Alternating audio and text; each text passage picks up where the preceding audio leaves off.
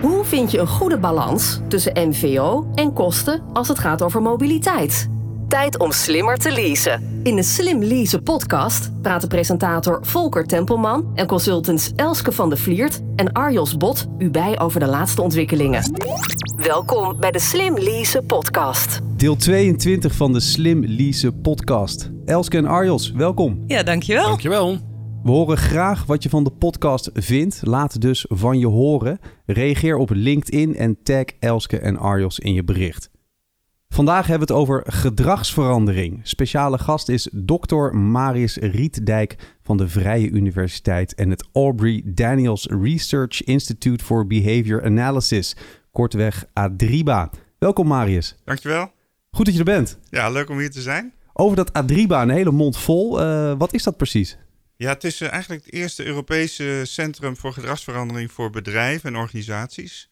Uh, gedragsverandering wordt al uh, bij, uh, ja, in de gedragstherapie toegepast om mensen te helpen. En wij zijn het eerste centrum die naar bedrijven kijkt om prestaties te verhogen met gedragsverandering. En welke rol heeft Adriba binnen de Vrije Universiteit? Wij zijn een deel van de postdoctorale opleidingen. Dus voor mensen die al HBO of academische opleiding hebben en al wat op leeftijd zijn, die nog wat bij willen leren in een paar maanden, die kunnen dan bij Adriba onder andere cursussen doen. Is dat dan een heel op zichzelf staand ding of is het helemaal onderdeel van de VU? Het is wel onderdeel van de VU, maar we hebben wel onze heel duidelijke identiteit ook van dat, ja, dat het echt het gedragsverandering centraal staat. Oké, okay, en jouw rol daarbij, want ik introduceer jou als dokter, dat klinkt een, ja. heel, heel gaaf. gaaf wat, wat, houdt het dan precies in? Nou, dat betekent dat ik gepromoveerd ben, ook in dit onderwerp. Dus ik heb eerst, uh, toen ik 19 was, begon ik met de studie psychologie. Dat heb ik ook aantal richtingen gedaan. En toen dacht ik, hé, hey, maar daar kun je ook wel heel veel mee in bedrijven. En toen ben ik ja, ook in de economie eigenlijk doorgegaan. Want ja, om gedrag te snappen van mensen is eigenlijk vaak economische kennis nog belangrijker dan psychologische kennis. Waarom? Omdat economen kijken vooral naar hoe prikkels op gedrag inwerken, dus externe prikkels. Terwijl psychologen zitten allemaal te graven in, in psyches en in geesten en zo. En daar is niet zoveel te vinden in mijn uh, optiek. Dus uh, daarom ben ik naar de economen gegaan. Mooie samenvatting. Ja, eigenlijk wel. Meteen best wel een duidelijk verhaal. Ja. Is, daar, is daar ook strijd tussen? Tussen de, de mensen die daar verschillend tegenaan kijken in de academische wereld? Nou, binnen de psychologen heb je wel een strijd gehad eigenlijk tussen de cognitivisten, noemen men dat. Dat zijn van die interne verklaarders. En uh, behavioristen, dat zijn die prikkelmensen. En die kunnen eigenlijk de economen ook, weer verder helpen, want... Pavlov, die kennen de meeste mensen wel. Die heeft ook onderzoek gedaan naar prikkels. En daarna kreeg je Skinner, B.F. Skinner. En die heeft prikkels van beloning en straf onderzocht. En daar is eigenlijk dat in, ja, al een eeuw geleden zeiden mensen van je moet af van die interne verklaringen. En toen kwam er een behavioristische revolutie. Dus van Pavlov en Skinner, dat zijn behavioristen. Die kijken puur naar gedrag en niet naar de geest. En ik ben eigenlijk ook een behaviorist. En ik vind ook weer dat die cognitivisten ook eens even een toontje lager eigenlijk een beetje moeten gaan zingen. Want, maar ze zijn wel met uh, grote meerderheid, dus ja. Ja, je hoort het, Elske. Hè? Er is ja. toch wel wat. Uh, er speelt genoeg, zeg maar, uh, in die wereld. En we leggen ja. ook de brug naar uh, natuurlijk de Slim Lease podcast. Want daar hebben we het over. Over gedrag en gedragsverandering. Want hoe krijg je dat nou voor elkaar? En daar willen we heel graag meer over weten. Um, maar eerst even bij het begin dan. Wat is gedragsverandering eigenlijk, Marius? Ja, gedragsverandering is, is een ander woord voor leren. Dus als je leert, dan verander je als het goed is ook gedrag. Want uh, ja, je wil ook bewijzen zien natuurlijk dat iets verandert. En uh, gedragsverandering is bijvoorbeeld uh, als mensen vaker schrijven, vaker lezen, dingen vaker doen of dingen minder vaak doen. Wat je kunt tellen eigenlijk, dat is gedrag. Wat je kunt zien, observeren. Hebben mensen eigenlijk van, van nature geen zin in gedragsverandering? Hangt er helemaal vanaf wat, de wat de beloning is. Dus wat er tegenover staat. Dus als je uh, nieuwe technologie hebt, uh, heel veel mensen en bedrijven willen daar niet aan, omdat ze oude technieken gewend zijn. Maar als je bijvoorbeeld een Apple met die apps ziet, ja, mensen willen daar wel heel snel aan. Die hebben dat heel snel geadopteerd, omdat ze daar voordeel van zien. Dus zodra je laat zien dat mensen ervaren dat ze voordeel hebben, dan gaan ze wel veranderen, anders niet. Ik zat gisteren met een uh, groepje mensen. Toen ging het over hoe uh, krijgen we meer mensen op de fiets. En toen zei, werd er heel duidelijk gezegd van... nou ja, wat onze ervaring is, is belonen. Dat werkt veel beter dan straffen. En jij hebt het net ook over belonen. Is dat gewoon ook wetenschappelijk een feit... dat belonen beter werkt dan straffen? Of moet je dan de straf anders inkleden of de beloning? Of hoe uh, werkt dat? Ja, het is inderdaad in meer dan 60.000 wetenschappelijke experimenten bewezen... dat, dat belonen... Dat is ruim voldoende. Ja, dat... Daar kunnen de psychologen ook nog wel wat van leren. Want dat, dat is vaak ook veel makkelijker te onderzoeken wat mensen doen dan wat mensen denken. En daaruit blijkt inderdaad dat direct belonen uh, of direct voordeel, dat heeft eigenlijk het meeste effect. Dus oh, vandaar dat mensen bijvoorbeeld toch blijven, ongewenste gewoontes blijven uh, volhouden, bijvoorbeeld roken. Omdat het binnen 10 seconden geeft dat die nicotine shot. Ja. Terwijl je weet dat je wel over 10 of 20 jaar of 30 jaar eerder doodgaat. Maar ja, mm -hmm. dat is pas over 10, 20 of 30 jaar. Dus dat is dan een straf op lange termijn. maar de beloning is dan op korte termijn. En daarom als je gedrag wil veranderen, moet je ook op korte termijn die beloning gaan inbouwen. Zoals bij computerspelletjes ook. Dan krijg je 100 tot 200 per minuut. Ja, dan moet je dan als, uh, als baas dan maar met, tegen concurreren. Of als ouder die dan uh, een oma uit Australië laat overkomen. Terwijl de kinderen computerspelletjes doen. Jij bent sinds een tijd ook bezig met hypnose. Ik moet eraan denken, want je hebt het over roken. En dat is ook een, eh, een manier om van het roken af te komen. Hoe eh, zou je, eh, ik leg even een hele lange brug. Hè? Hoe zou je hypnose nou kunnen gebruiken om mensen bijvoorbeeld aan de e-bike of aan de elektrische auto te krijgen? Ja, dan, dan zou je ze kunnen inprenten. Dus eerst in die ontspannen hypnotische trance brengen. Dat is een bepaalde technieken voor. Je kunt ook via gesprekken iemand een beetje in een lichte trance eh, brengen. Ik hoop dat jullie dat ook al ervaren. Ja, je hebt zo'n heerlijke, heerlijke stem, uh, Marius. Maar echt, uh, echt als je het echt effectief wil doen, dan moet je heel diep in een diepe hypnotische trance brengen. En dan kun je suggesties geven die extra diep aankomen. En met roken heb ik inderdaad ervaring dat ik met inderdaad iemand van het roken heb afgeholpen. Maar even met e-bikes heb ik nog geen ervaring. Ik, ik heb uh, ervaring zeg maar, met uh, elektrische auto's. Want volgens mij kun je met autopilot ook uh, prima... je bent niet echt dan, onder hypnose dan, maar er zijn voorbeelden van mensen die in slaap vallen... terwijl ze op autopilot rustig ah. van A naar B rijden. Of zich laten rijden op dat ja. moment eigenlijk. Ja.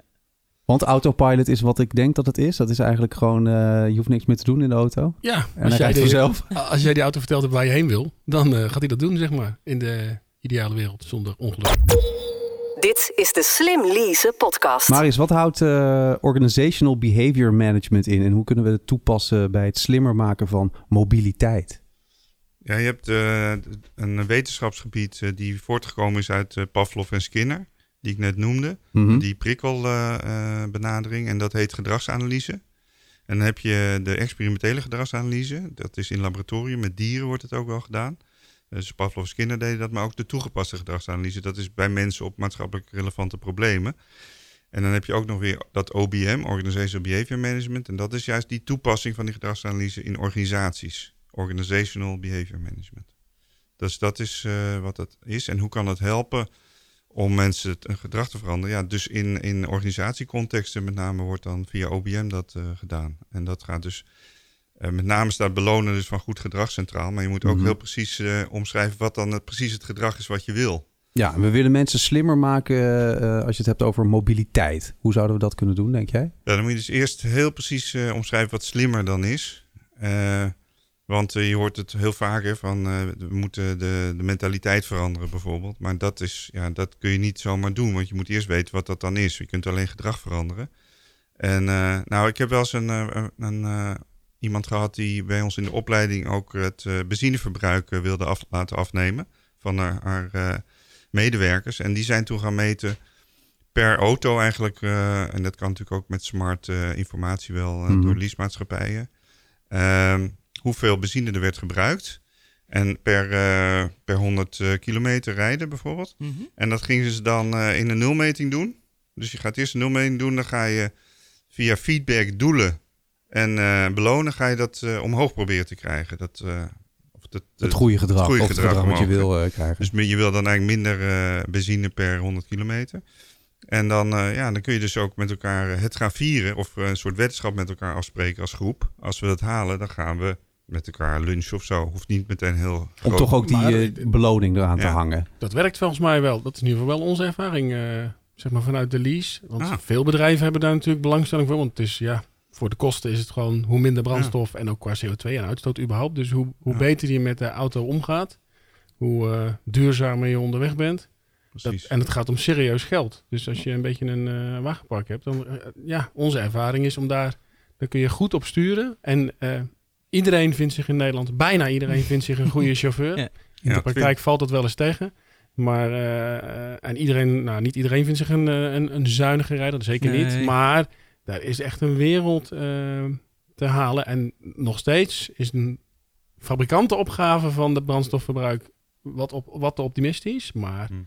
daar is veel te halen. Ja. Maar wat ik wel merk is dat het, het lastige daarvan is het volhouden. Want in die eerste drie, vier, vijf maanden dat men ermee bezig is, dan gaat het wel. En dan ga je lekker uit eten en dan. Maar uh, twee jaar lang, zeg maar, hier aandacht voor blijven houden. En dus echt uh, dat gedrag permanent veranderd hebben. Uh, dat is nog wel eens lastig. Gaan jullie daar ook op in?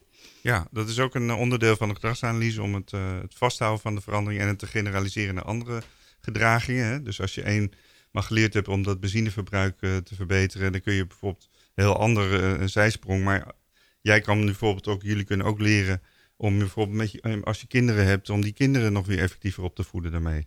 Hmm. Dus je, je kunt het heel oh, breed uh, toepassen. ja. Ik heb er eh, twee. nou, uh, bijvoorbeeld was, waren een aantal cursisten. Eentje die had een dochter die, die de slaapkamer nooit goed opruimde.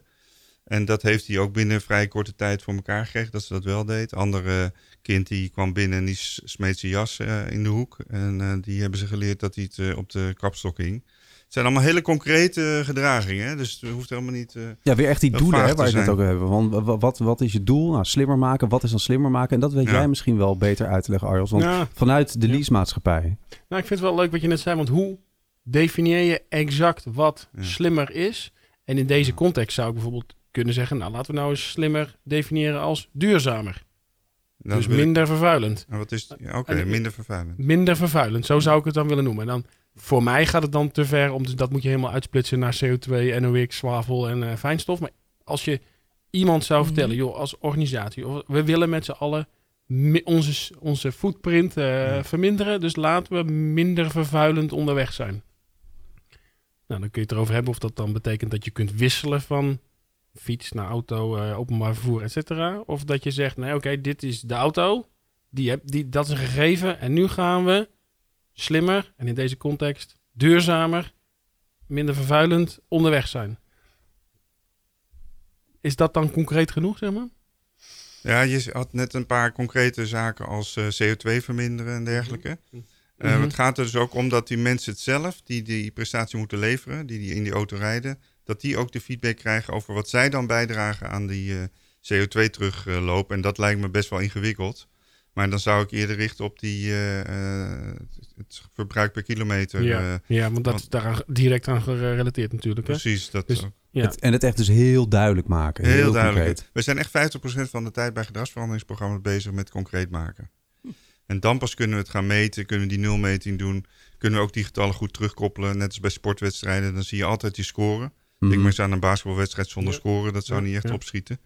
Maar, dus dat moet je, eh, maar je kunt dat pas uh, meten als je weet wat dan de score precies uh, is. En ja. dat is ook bij bedrijven en bij uh, duurzaamheid. Dit is de Slim Lease podcast. Zijn er strategieën aan te geven die best werken? Bijvoorbeeld de top drie daarvan? Ja, je hebt eigenlijk twee manieren om gedrag te veranderen. Via beloning en straf. Dat is eigenlijk de beste manier. Of het vermijden van straf, vooral via beloning. Of via voorlichting. En dat, dat laatste, voorlichting, dat werkt eigenlijk niet goed. Dus men geeft wel ongeveer uh, eh, 90% of 80% van het geld aan uit bij gedragsverandering. Mhm. Maar je kunt uh, en maar 20% aan die consequenties, beloning en straf. Terwijl je beter dat geld aan, uh, aan beloning kunt gaan besteden. Ik moet meteen denken aan die sieren reclames. Die, die meteen aan de En dat die dus ook niet werken. De Momo, ja. ja. Nee, maar bedenk eens van dat je bijvoorbeeld moet aangeven bij kindermishandelingen. Dat kan ik me even herinneren bij zo'n sierenreclame. Ja, ik heb ook nooit cijfers gezien wat nou precies dan het aantal aanmeldingen is, wat dan, of meldingen van uh, situaties. Maar mensen die doen vaak, ook dat is over gedrag gesproken, die doen vaak niet uh, dat soort meldingen van, uh, van mishandeling bijvoorbeeld, omdat zij daar ook geen gedoe willen. Nee.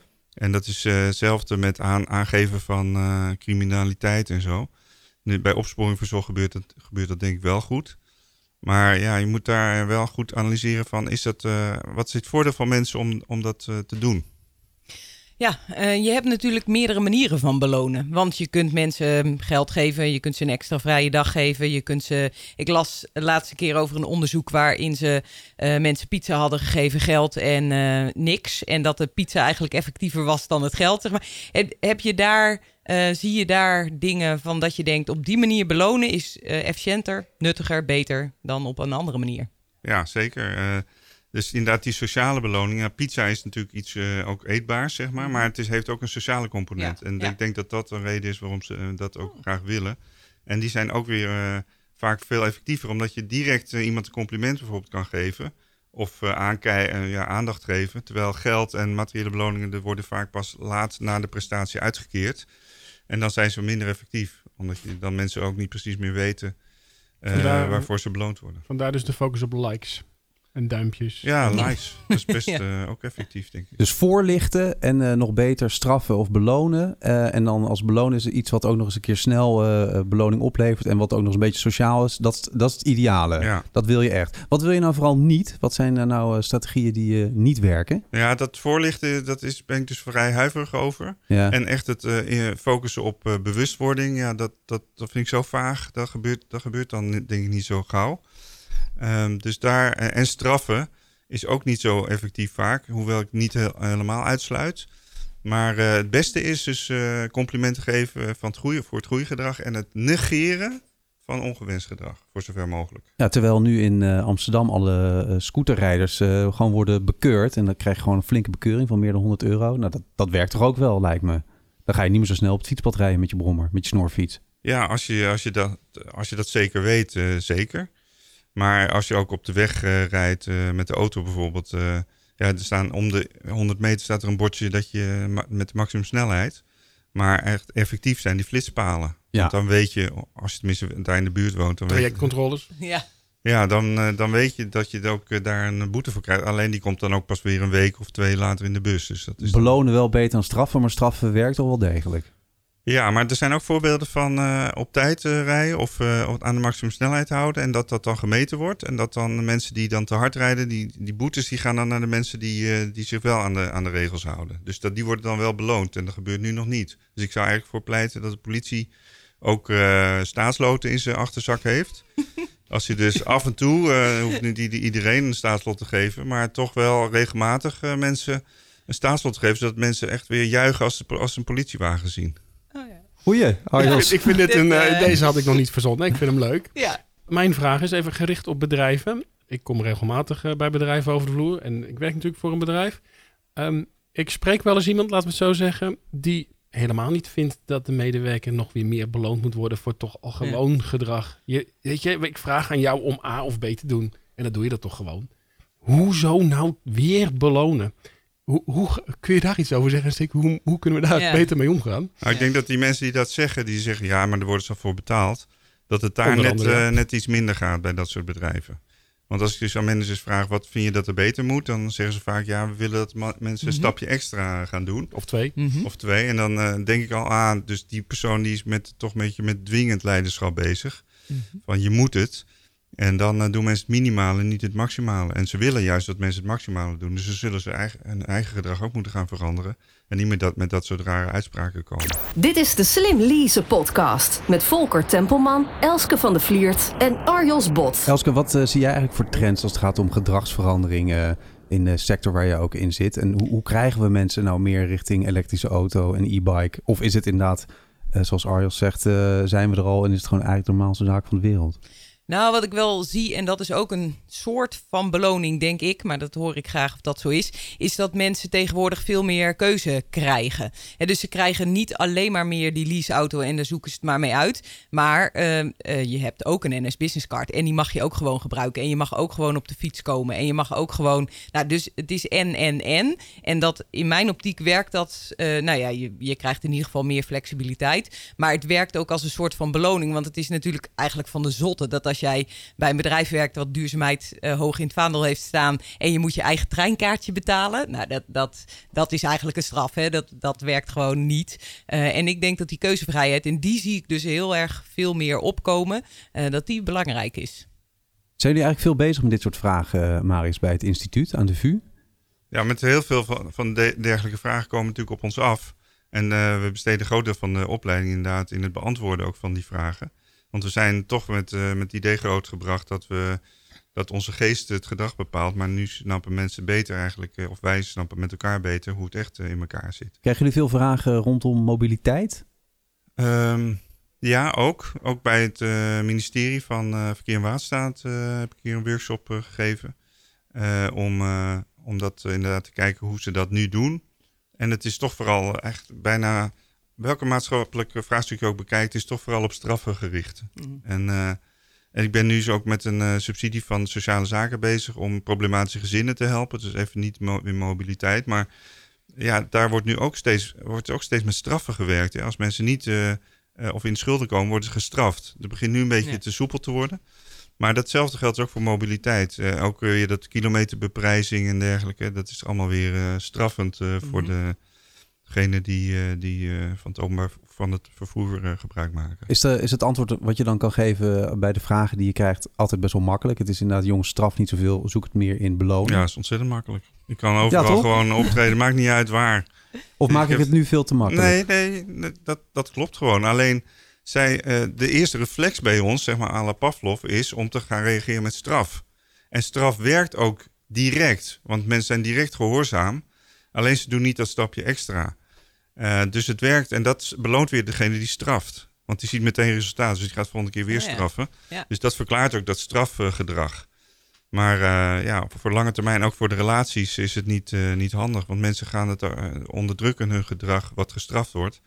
Want ook weer zo'n aardig inzicht, vind ik, is dat alle gedrag bijna wat we laten zien is beloond gedrag. Dus als dat dan weer bestraft wordt, ja, dan worden mensen worden ook boos. Want ja, het was in het verleden altijd beloond. Dus je mhm. moet zorgen dat het uh, ongewenst gedrag niet beloond wordt. Dat is eigenlijk ook een belangrijke les. Arjels, uh, ja, oh, ja, ik kan nog wel uh, iets zeggen. Um, we hebben het beeld in ieder geval dat in Nederland qua verkeer en mobiliteit allemaal een beetje druk is. Treinen zitten vol, wegen slippen vol. Um, Oké. Maar om dat op te lossen, als je dat dus in de beloningssfeer houdt, dan is de meest makkelijke oplossing om iedereen die thuis blijft te belonen. Dan zijn we er toch? Of uh, zie ik nu iets over het hoofd? Nou ja, dat, we hebben wel gezien dat mensen ook door de nieuwe uh, informatietechnologie meer thuis kunnen gaan werken. Ja. Maar dan zien ze elkaar uh, ja, op scherm, maar dan willen ze elkaar toch weer een keertje echt zien. dus dan Gaan, wordt er toch weer meer gereisd. Dus ja, wat ook nu uh, maatregelen zijn om meer park and ride uh, uh, in de omgeving van steden te maken. En ik zou zeggen, maak die wegen wel breed. Maar zorg dat mensen makkelijk ook naar een metro kunnen opstappen. Want dat doen de Chinezen bijvoorbeeld heel goed. Die bouwen maar wegen en, en spoorlijnen. En in Nederland zijn we daar veel... ja, dat loopt achteraan bij de, bij de huizenbouw. Die is ook al niet erg hoog. Ik ben niet heel cynisch hoor, helemaal. het klinkt een beetje cynisch over, een beetje straffend over. Maar echt veel meer metro en openbaar vervoer. Maar dat auto's wel daarbij kunnen parkeren. En, uh, maar niet dat ze de stad ingaan. Ik zou wel echt uh, voor uh, ook autovrije steden willen pleiten. Ja, afrondend alweer bijna, jongens. Zijn er inderdaad conclusies die we kunnen trekken? Wat kunnen we inderdaad mensen die slim willen rijden en wagenparkbeheerders aan de andere kant nou adviseren over gedrag? Ja, volgens mij moet je beginnen met het heel helder maken waar je naartoe wil. En dan daar hele simpele, directe beloningen aan hangen. En dat is natuurlijk wel de crux. Hoe ga je dat in jouw bedrijf het beste doen? En dan denk ik dat je dat het beste kunt vormgeven met de medewerkers. Omdat die aan kunnen geven van hoe word ik nou graag beloond. Helemaal mee eens. Perfect, en hou het simpel. hou het simpel. Ja.